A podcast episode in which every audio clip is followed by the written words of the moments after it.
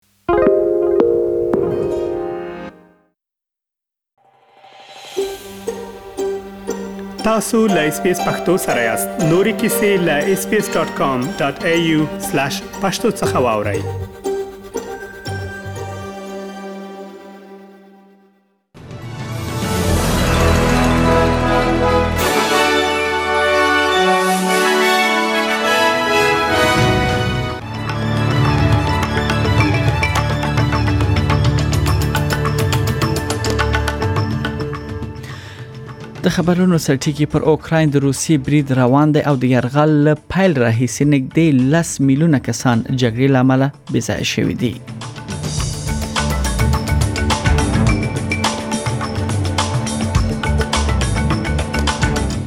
د امریکا ولسمشر جو بایدن چین ته خبرداري ورکړې ده چې چیرې له روسیې څخه د ملاتړ لاس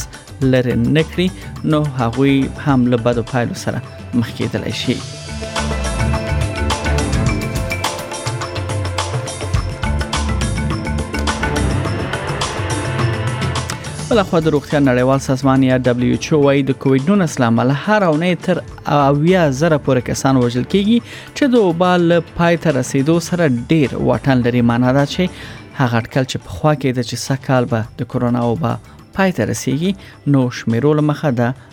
ناممکنه ښکاري او بل خبر دا ده چې په افغانستان کې د طالبانو حکومت وایي چې په کابل کې د طلوع نیوز درې خبريالان یې د ملي امنیت د ساتلو په مخه نیولي وو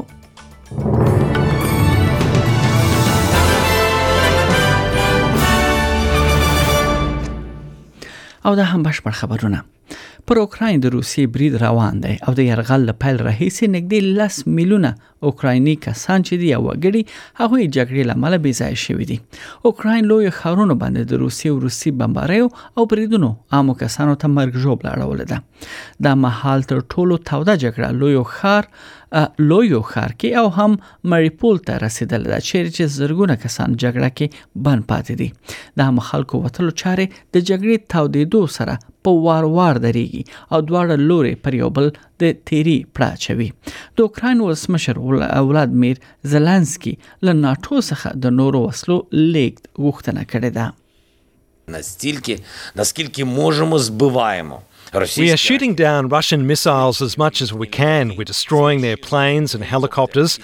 and this is despite the fact that we do not yet have adequate anti missile weapons, advanced weapons. We don't have enough combat aircraft, but we have a goal, pure and fair, to protect our people, our state. Undoubtedly, we will continue to do everything we can. We will remind some Western leaders even louder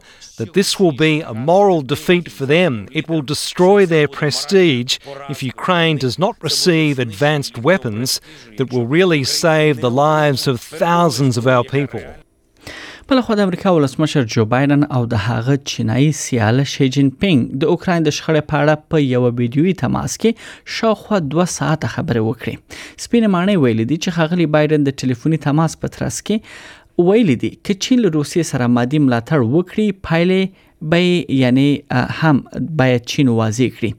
امریکا باور لري چې روسیا له چین څخه د اقتصادي او پوځي مرستو غوښتنه کړې ده د چین دولتي رسنۍ وایي ولسمشر شي جین پینګ پر روسیې د اوکراین د برید په اړه نیوکه نه ده کړې او ویلي دي چې د جګړې پړه یوازې د روسیې نه ده چین غواړي د ملکی تلفاتو د مخنیوي د بشري ناورین د مخنیوي او ژر تر ژره په اوکراین کې د جګړې د پای ته رسولو لپاره د خبرو اترو یعنی ته باید دوام ورکړ شي او چین ورته لومړیتوب ورکوي چین دا هم ویل دي چې چمتو دی له اوکراین او نورو ځپل شوو هیوادونو سره بشري مرسته وکړي بل خو امریکا شاوخوا سل الوتکې چې له روسیې سره اړیکې لرلې له پرواز منع کړې دي او درولې دي د امریکا اقتصاد وزارت ویلي دي د الوتکو درول پر روسیې د اقتصادي بندیزونو لړۍ برخه ده بل خو د روسیې الوتکو سره ک نور هیوادونه هم راکړه ورکړه وکړي امریکا پرې بندیزونه لګوي بلخوا د روسیې ولسمشر ولادمیر پوتین یو ځل بیا ادعا کړې ده چې پر اوکراین يرغل د د لپاره دی لپاره شوې ده چې په دغه هیواد کې روسي ویونکي کسان چې ول هغوی له نسل وژنې سره دوی مخول او روسیه هغوی ژغوري هغه د روسیې د کریمیا د الحاق د اتمه کلیزې په مناسبت په مسکو کې د فوټبال په یو لوبغاړي کې د سلګونو زورو پلاویانو د راغونډولو سره غونډه ته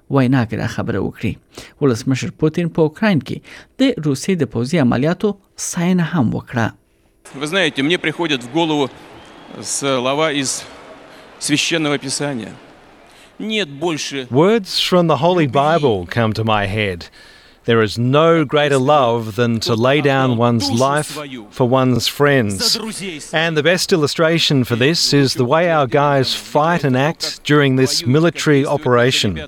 Shoulder to shoulder, they help and support each other. And if needed, they would take a bullet for one another in the battlefield.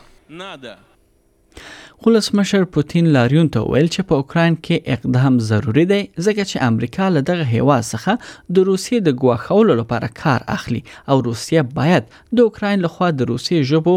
یا د روسي ژبو ویونکو یا نسل وژنم پر وړاندې دوی یعنی روسیه را مخته شي او له دغه کسانو څخه دفاع وکړي اوکراین وایي د خپل وجود لپاره دوی جګړه کوي او د ولسمشر پوتین د نسل وژنې ادعاوې به بنسټ دي رابه شو استرالیا ته د سویلي استرالیا د اپوزیسیون مشر پیټر ملیناساس وایي چې رای ورکونکي د یو داسې حکومت ترمنځ روښانه انتخاب لري چې داسې بریخي چې لزان سره به په جګړه کې وي نږدې یو میلیون خلک به نن رای ورکړي په داس حال کې چې شاوخوا 300 زره د مخه رای کارولو یا پوسی رای لپاره دوی غوښتنه کړې و د نظر پښتون لمخې د یعنی د کارګر ګوند مخکې دی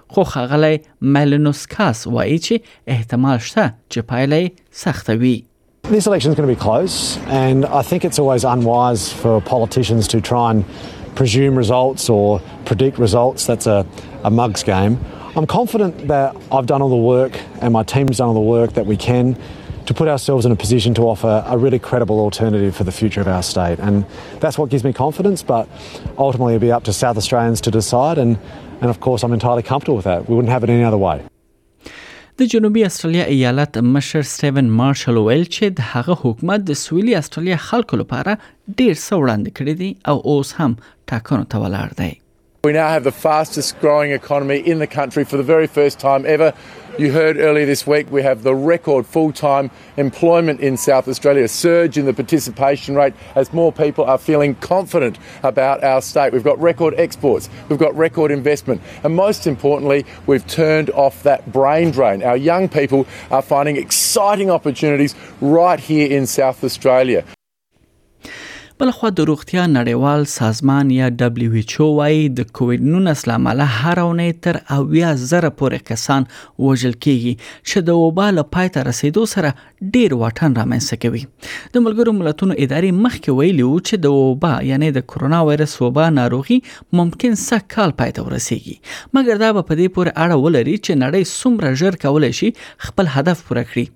تر څو په هر هیواد کې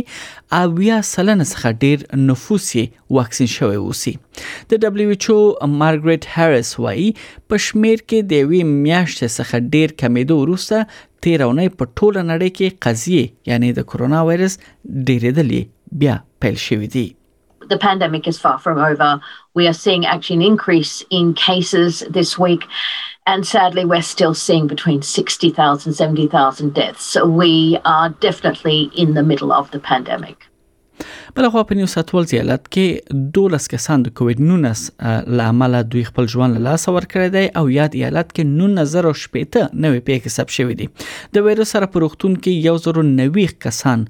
دا مهال شتون لري او په دوه کې نه ویشي جدي پاملرنه کې درملنه لاندې دي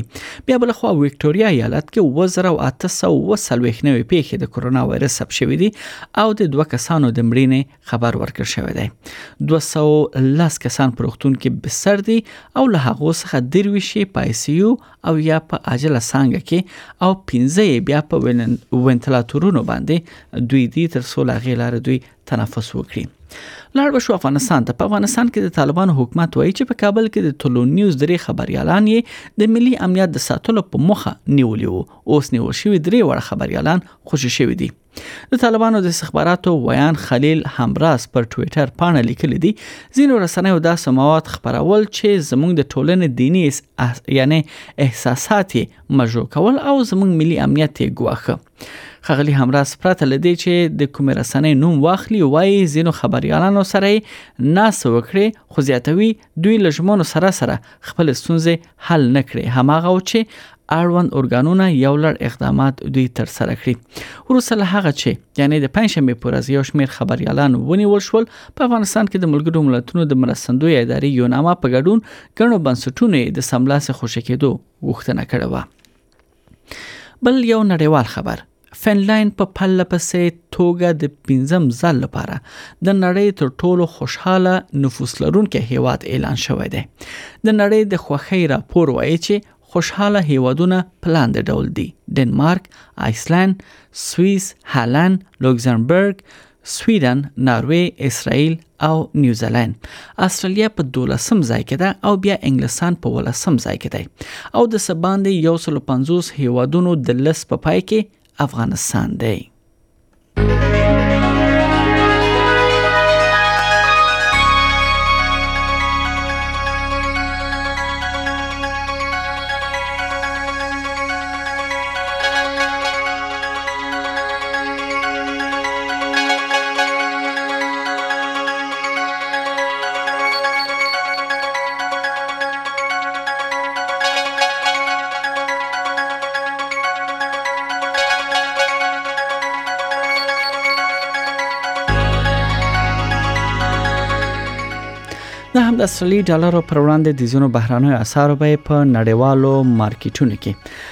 البته دا ویل شو چې یو استرالی ډالر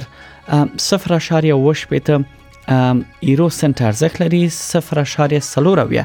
امریکایي ډالر یا استرالی ډالر شپږ شپېته افغاني روپی یا سلو سلور د شپږ سنې روپی یو استرالی ډالر شپږ 50.8 د شیندې روپی او هم 0.55 انګلیسي پنسه ارزښت لري